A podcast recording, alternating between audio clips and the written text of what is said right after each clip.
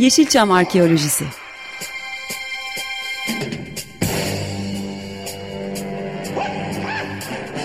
Türk sineması ve Yeşilçam'ın besin kaynakları, emekçileri ve kıyıda köşede kalmış hikayeleri.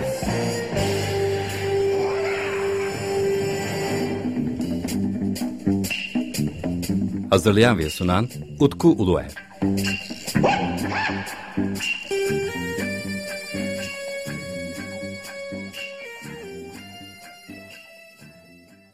Merhaba değerli Açık Radyo dinleyicileri. Ben Deniz Utku Uluer. Yepyeni bir Yeşilçam Arküsü programında da sizlerle birlikteyiz.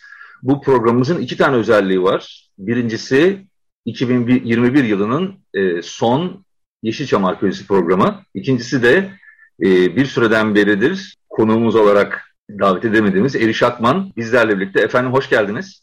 Hoş bulduk. Çok teşekkür ederim. Tabii e, sizi özlemişiz. Böyle heyecanlı bir giriş yaptım ben de. Öncelikle tekrardan geçmiş olsun diliyorum ve şu uzaklardasınız. Size de buradan selamlarımı iletiyorum efendim. Çok çok teşekkür ederim. Ben de Londra'dan herkese selamlarımı iletirim. Londra benim ikinci şehrim sayılır İstanbul'dan sonra. Hatta e, Londra'da daha çok yaşadım İstanbul'dan. Onun için e, Londra'ya bir dönüş oldu benim için. Herkese sevgilerimi iletiyorum. Sizinle bir yolculuğa çıktık. Hani bir program, iki program derken e, aslında son dönemde sizinle birlikte çok farklı yönlerine e, dokunuyoruz Yeşilçam tarihinin. Konuştuğumuz bazı konular üzerine e, bazı yorumlar geldi bana. Özellikle birkaç arkadaşım Lineman üzerine anlatılanlara oldukça çok şaşırmışlar. Ve gerçekten de hani bir e, dünyayı kurtaran adam kültü vardır. Lineman de her zaman için e, aslında ilgi e, çekmiştir ama hani Kılıç Aslan'dan dolayı herkes filmi çok fazla izlememişler. Yani sizin yaptığınız versiyonu izlememişler. Onun için Kılıç Aslan herkes diye düşünüyormuş. Valla ilginçtir onun hikayesi aslında. Çünkü yani e, bizim bizim esinlendiğimiz Woody Allen'ın yaptığı bir film var. İlk filmi galiba. ilk yönetmenliği. Ee, bir Japon filmini alıp dublajla farklı bir film haline getirmek.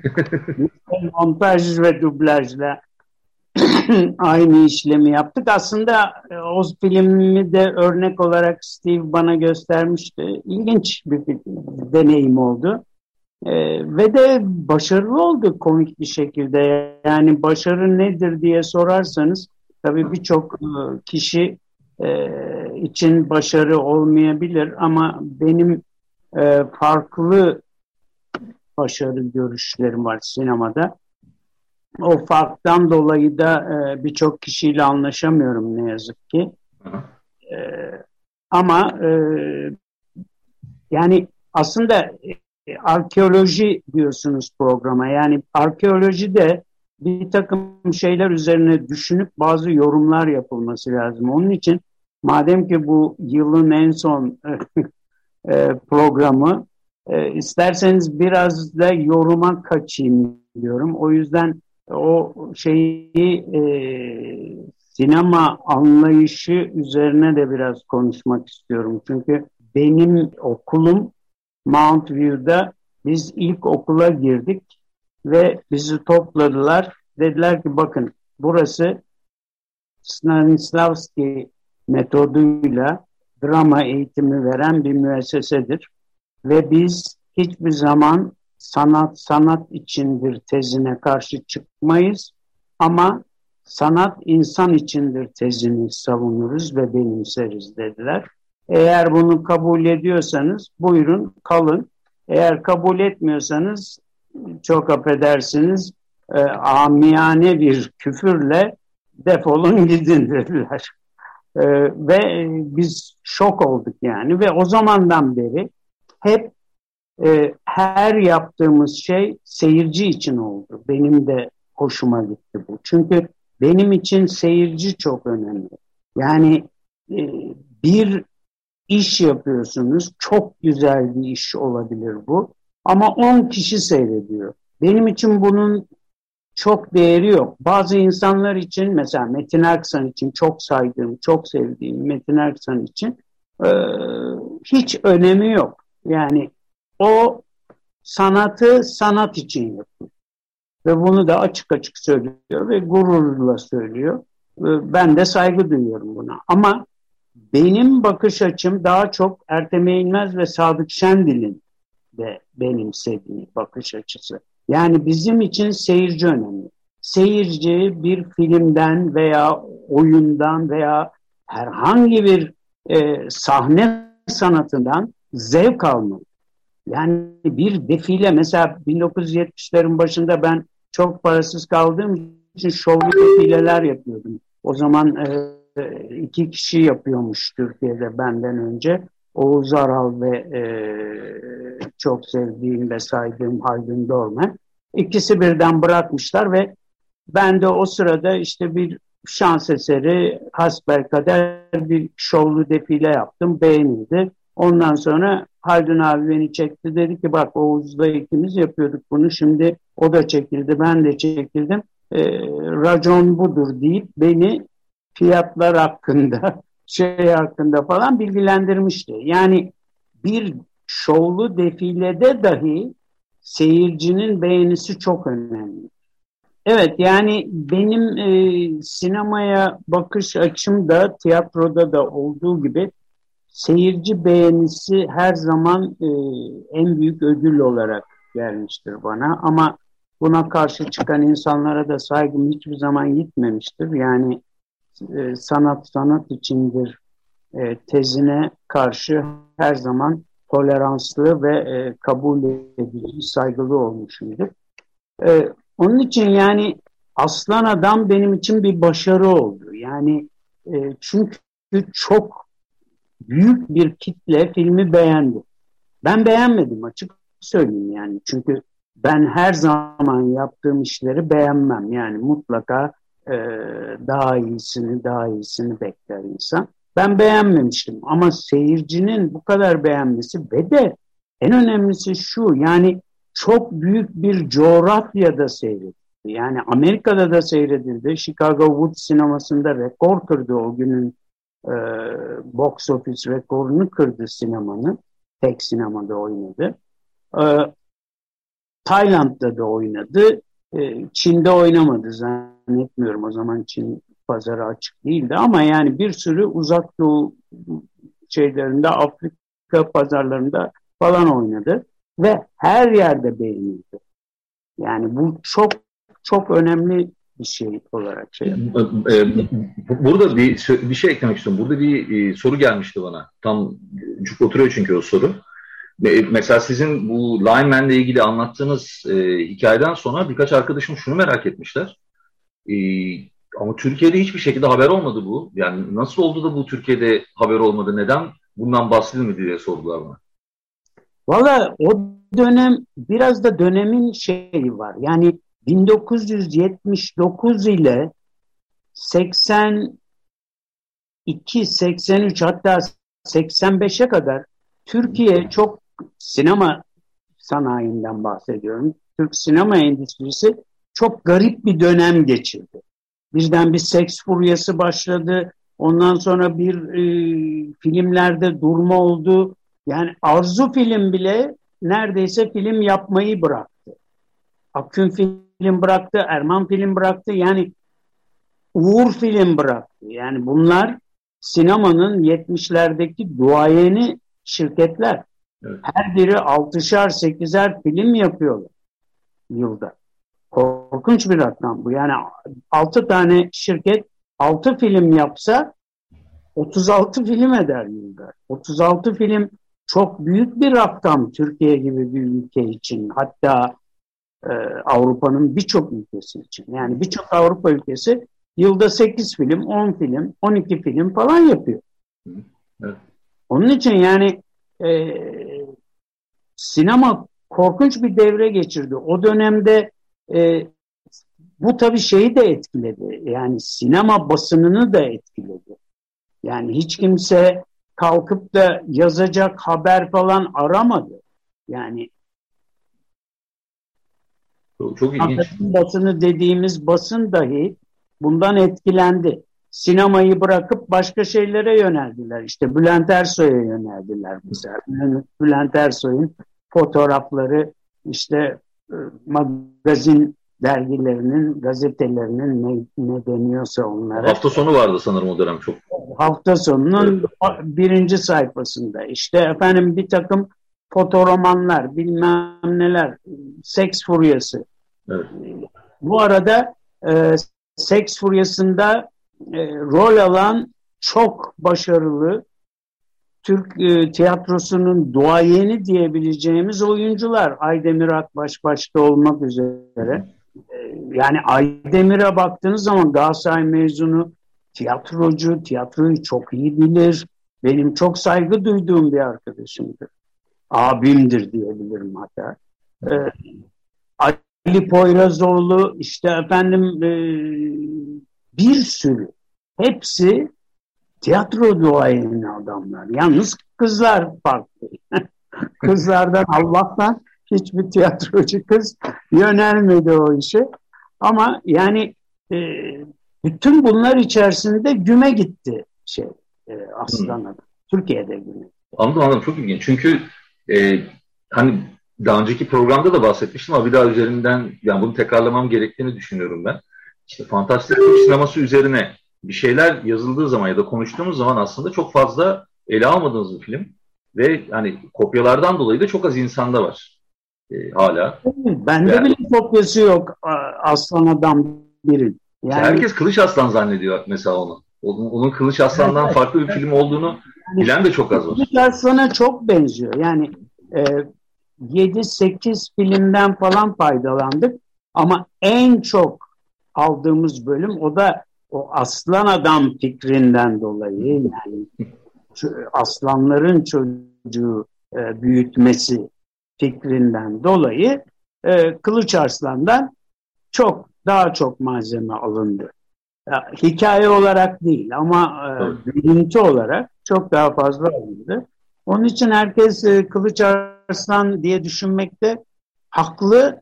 Çünkü afişi bile neredeyse Kılıç Arslan'ı hatırlatıyor. Yani havada uçan pençeleri önde bir Cüneyt Arkın. Yani kült olayı ya da bizde hani B sinema dediğimiz olay böyle bir meta haline getirilmiyor ya da işte afişleri böyle çok satmıyor. Böyle Türkiye'de sanki sadece 200 kişi ilgileniyor gibi geldi bana. Siz ne düşünüyorsunuz bu konuda? Valla Türkiye'de e, ben aynı fikirde değilim. Yani Türkiye'deki trendler farklı. Türkiye'de koleksiyonculuk kültürü yok. Onun için afişini satın almak yahut işte merchandise almak gibi bir şey yok. Zaten merchandising çocukluktan gelen bir alışkanlık. Yani yok değil de çok az kişide var diyelim. Çok az evet, kişide çok var. az kişide var. Ama şey var yani kült haline getirme var. Bunun en büyük örneği de Aile Şerefi filmi. Aile hmm. Şerefi bir kültür. Yani Oktay karakteri kült olmuştur. Sürü, yani ekşi sözlüğü ben ilk gördüğümde inanamadım. Yani bu kadar bu kadar lafa e, ortam hazırlayacak bir karakteri oynadığım için açık söyleyeyim küfürlere rağmen gurur duydum. Doğru biz o konuyu konuşmadık aslında sizinle. Evet. Onu da fark ettim şimdi. Kült olayı her zaman ya bakın çok garip bir örnek. Son beş senedir Arzu Film filmlerini toptan olarak bir şeye satıyor. Hepsini birden bir kanala satıyor. En son işte benim hatırladığım Kanal 7'de miydi neydi falan. Yani 60 tane filmi mi var? 50 küsür filmi mi var? Tam hatırlayamıyorum net olarak. Hepsini birden satıyor. Bunlardan yalnız bir tanesi o kadar güzel filmlere rağmen bizim aile gülen gözler falan filana rağmen bunlardan bir tanesi her hafta gösteriliyor. Bu da aile şerifi. Ve hala bıkılmıyor.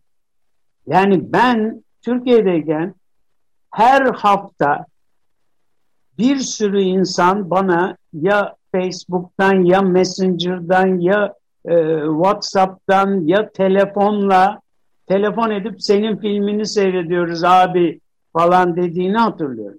Oradan biliyorum. Allah Allah diyordum ya. Yani niye bir demek ki kült haline gelmek bu işte. Yani evet. filmi, benim Avare filmini altı kere seyretmem gibi 7 yaşında, 8 yaşındayken kaç yaşındaydım hatırlamıyorum. Yani niye Avare gibi bir filmi ben altı kere seyrederim? Yani. Onun için yani kült olayı illa afişini toplamak, işte tişörtünü giymek, şey yahut da işte Elvis Presley taklitleri gibi toplantılar yapmak falan gibi bir olay olmuyor. Kült oluyor. Yani mesela Türkiye'de kült olan Ayşecikler var. Ayşecikler külttü benim çocukluğumda. Yani evet size kült bir karaktersiniz. Oktay sonuçta e, yani gerçekten e, Oktay karakteri referans olarak veriliyor. İşte şu evet. şöyle ama işte Oktay gibi şımarıksın gibi. Ne bileyim evet. yani. Evet. diyor bilmem ne diyor bir sürü isimler takıyor. Yani e, hala mesela bana mesajlar geliyor. Abi ya çok kötüsün ama biz seni çok seviyoruz falan gibi laflar. Yani. Efendim kült, kült olmak nasıl bir duygu? O zaman e, sorumu değiştiriyorum ve böyle soruyorum. Kült olmak nasıl bir duygu? Valla kült olmak iyi bir duyguymuş. Ben de ilk kez tattım Oktay'la. Yani ben şeyde ilk e, çok şaşırdım. Sene 1981 veya 82 olması lazım. İşte video Almanya'da Türk filmlerinin videoları satmaya başladı falan. E, bütün şirketler e, video haklarını veriyor dağıtımcılara. Ben de İngiltere'den o zaman e, Türk Hava Yolları bu kadar e, teşkilatlı değildi. Günde günde de değil haftada üç uçuşu falan vardı yani çok kısıtlı bir uçuşu vardı. İşte İngiliz Hava Yolları da üç gün uçuyordu paylaşıyorlardı galiba günlükte. Ondan sonra ve uçak bulamadım ve Pan Amerikan vardı o zaman. Pan Amerikan da Frankfurt'tan aktarmalı olarak. E, tamam dedik aldık. Türkiye'ye gelmem gerekiyordu. Neydi hatırlamıyorum. Galiba Aslan Adam 2'nin hazırlıklarını yapıyorduk işte o sırada. E, Berlin şey Berlin diyorum Frankfurt Havaalanı da o zaman çok güzel bir havaalanıydı. İçinde sinema salonları şeyler falan müthişti yani o gün için böyle çok hoşuma gitmişti. Böyle dolaşıyorum falan yani birden arkamdan bir kadın sesi Oktay diye bağırdı. Ben de Oktay ismi yani Türk ismi diye şöyle döndüm. Döndüğüm anda bir grup o aynı kadın vallahi o, o dedi ve anında yüzlerce insan üstüme gelmeye başladı. Ben de tam o sırada çekine gidiyorum. Yani ikinci ayağa şey yapacağım, bineceğim uçağa. E zaten e, sırf Türk dolu uçakta. Ondan sonra birden abi etrafımı yüzlerce insan aldı. Pan Amerikan check-in'indeki insanlar kim ulan bu herif diyorlar. Yani tanıyamıyorlar da. Yani sarılanlar, öpenler yani bir de kötü adamsın. Yani herkesin nefret ettiği, küfürle seyrettiği bir karakter çok şaşırmıştım. Yani şok oldum. İnanamadım. Ondan sonra neyse hemen kendimi e, sıyırıp herkes bana yol verdi. İlk ben check-in yaptım. Uçağa attım kendimi. Uçakta durmadı tabii.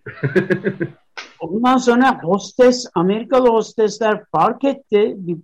Bana geldi bir tanesi dedi ki sizi Clipper Class'a alalım mı dedi. Alın dedim ne olur. Beni Clipper Class'a aldılar. O hayranlarım sayesinde rahat şampanyalı mampanyalı İstanbul'a. Bir de şöyle bir durum olabilir. Yani Amerika'da yaşadığınızı düşünelim. İşte Oktay bana arabayla çarp falan diye de hani oluşabilecek seyirciniz olabilirdi yani öyle düşünün. evet ya. Neyse ben şeye dönmek istiyorum yine yani bu e, bu arkeolojik bulgulardan bir ders almamız lazım gibi geliyor bana.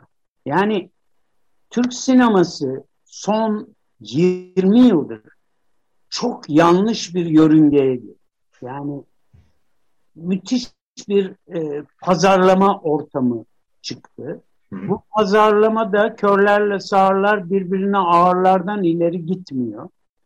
Festivallerde ödüller veriliyor bir takım filmlere, övülüyor, şakşaklanıyor ama seyirci bunları sevmiyor. Ve Türk sineması ilk defa bundan 5 sene 6 sene önce bir ivme yakaladı yurt dışında. Dünya pazarında bir ivme yakaladı. Hala bu ivme devam ediyor. Ama bunu sürdüremedi sırf o yüzden. Yani hala böyle bir e, ödül merakı var. Yapımcılarımızda, yönetmenlerimizde, oyuncularımızda ve e, bu ne yazık ki e, şeyi biraz zedeliyor. Yani Türk sinemasının ticari başarısını zedeliyor. Şimdi bir de ticari kelimesi kötü bir kelime gibi kullanılır oldu. Anlatabiliyor muyum? Yani ticari film dediğiniz zaman küfür gibi geliyor bazı insanlara. Bilhassa e, sanat filmi sevenleri. Halbuki ticari film demek çok sayıda insanın seyrettiği film demek. Benim için o daha büyük ödül. Yani ben kalkıp da İstanbul Film Festivali'nde bir ödül alacağıma filmime e, benim filmim box office'te çok iyi bir sonuç alsın. Box office sonuçları benim için daha önemli. Daha ama, ama size benim burada sormam gereken bir soru var. Hani evet. bu soruyu da ben kendim de çok düşündüm. Ben de sizin gibi düşünüyorum. Yani bir filmin çok fazla kişiye ulaşması kötü bir şey değil. Bu onu değersiz kılmaz. Ancak hani biliyorsunuz artık Türk sinemasında böyle bir çıta var. O çıtanın ismi de Recep İvedik. Ve Recep İvedik'i ben de çıta zannediyordum ama Recep İvedik'in çıta olmadığı ortaya çıktı. Yani bugün artık herkes, sokaktaki çocuklar bile bütün bu 5 milyon, 6 milyon, 7 milyon, 8 milyon kişi yapan filmlerin uyduruk olduğunu, kara para aklama mekanizması olduğunu öğrendi artık. Sonradan işte o şey dönemi gibi e, özel televizyonlar çıktıktan sonra işte 2 milyon, 3 milyon e, liralık satışlar falan palavra. Ayrıca da onlar da palavraymış. Kara para aklama olduğu zaman o kesilen fatura. Ama para aldılar mı almadılar mı meçhul yani. Benim şeyimde. Onun için yani e, Türkiye yanlış bir yola girdi. Yani ticari film e, kötü anılır oldu. Türkiye'de bizim en çok ihtiyacımız olan seyircinin seyirci kazanmak olmalı diye düşünüyorum ben. Yani seyirci kazanmamız lazım. Ee, sinema seyirciliği de çocukluktan itibaren geliyor. Şimdi e, söylediğim gibi hani bu senenin en son Yeşilçam arkeolojisi bir dahaki program 2022 yılında olacak. Ben şöyle bir şey düşündüm bu programla ilgili bir tanım yazarken. Mesela Yeşilçam'ın kara kutusu desem sizin için doğru olabilir mi? Yoksa bu tabire daha fazla uyacak insanlar var mıdır? Valla benim gibi birçok insan var ama e, ne yazık ki e, kibarlıklarından bir de Türkiye'de şey de var. Bazı arkadaşlıklarda birbirlerini kırmak istemiyorlar. Onun için açık sözlülükten kaçınma var. Benim kadar cesur olabilecek kara kutular düşünemiyorum ben ama kara kutu lafı güzel. Evet. Ben ben biraz kara kutuyum. Çünkü özellikle e, yani 60'ların sonu 70'ler 80'ler çok önemli. Ve yani sizin baktığınız açıdan çok az kişi bakabilme şansına sahip olduğu için hani dışarıdan da siz nasıl sattığına bakabildiğiniz için onun için farklı bir yerden bakıyorsunuz. Teşekkür ederim. Tabii siz şimdi Londra'dasınız. Londra'yı çok sevdiğinizi söylediniz. Valla Londra Londra yalnız şöyle bir olay var. Londra İngiliz sinemasında ki Hollywood'un da kurucusu benim için İngilizlerdi. İngiliz sinemasında mekanda e, film çekmek diye bir şey yok. Hı. Yani alıyorlar bir mekanı mesela Piccadilly'yi alalım. Piccadilly'yi kalkıyor Pinewood stüdyolarında kuruyor. Çünkü Piccadilly'de çalışamazsın. Yani biz senelerce İstiklal Caddesi'nde film çektik. Yani imkansız Oxford Street bizim İstiklal Caddesi'ne çok benzeyen bir caddedir. Oxford Street'te film çekemezsiniz kardeşim. Yani buna ne polis izin verir ne e, filmciler çekmek ister. Çünkü sürekli aksayacaktır. Birisi bozacaktır şeyi, sahneyi bozacaktır. Bilmiyorum. Onun için de kontrollü alanlarda film çekilir. Bu da ne demektir? Siz kalkarsınız Oxford Street'i Pinewood stüdyolarında kurarsınız. Efendim çok teşekkür ederim. Ee, dediğim gibi bize ayrılan süre doldu. Ee, yani sizinle konuşmuş olduk. Ee, yani sizinle görüşmelerimizi birazcık da yani Yeşilçam, Yeşilçam'a giriş ya da Türk sineması ile ilgili e, dersli olarak da aslında ele almakta fayda var. En azından sinema ile ilgilenen birkaç kişiye ya da sinema tarihiyle ilgilenen birkaç kişiye de böyle değişik e, açılardan anekdotlar e, aktardığınızı düşünüyorum. Ben zaten siz eğitimcisiniz öte yandan. E, onun için çok büyük değer katıyorsunuz. Çok teşekkür ederim. E, yeniden geçmiş olsun. Umarım keyfiniz yerindedir ve yeni yıl size huzur ve mutluluk getirir efendim. Sağ ol. Çok çok teşekkür ederim. Ama en önemlisi sağlıklı bir yeni yıl olur umarım. Ben de herkese tüm Açık Radyo dinleyicilerine buradan aynı temennileri tekrarlarım. Yeni tamam. O zaman bir dahaki sizinle e, yapacağımız işte Yeşilçam sohbeti ya da Türk sineması sohbetine kadar e, hoşça kalın. E, tüm dinleyicilere ben de yepyeni bir e, 2022 diliyorum. Umarım artık bu e, Covid'den e, yavaş yavaş kurtuluruz. Bizler de stüdyomuza döneriz. Yani canlı yayını özledim ben radyoda. E, bu arada e, teknik ekibe tekrardan teşekkür etmek istiyorum ben e, Açık Radyo'da. Bütün evet, ben... Açık Radyo teknik ekibinin de yeni yılını kutluyorum buradan. Teşekkürler, sağ olun var. O zaman e, 15 gün sonra 2022 yılında görüşmek üzere efendim. E, hoşça kalın, e, sağlıklı kalın.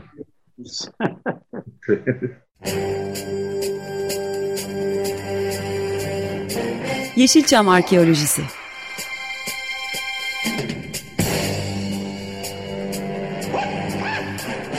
Türk sineması ve Yeşilçam'ın besin kaynakları, emekçileri ve kıyıda köşede kalmış hikayeleri.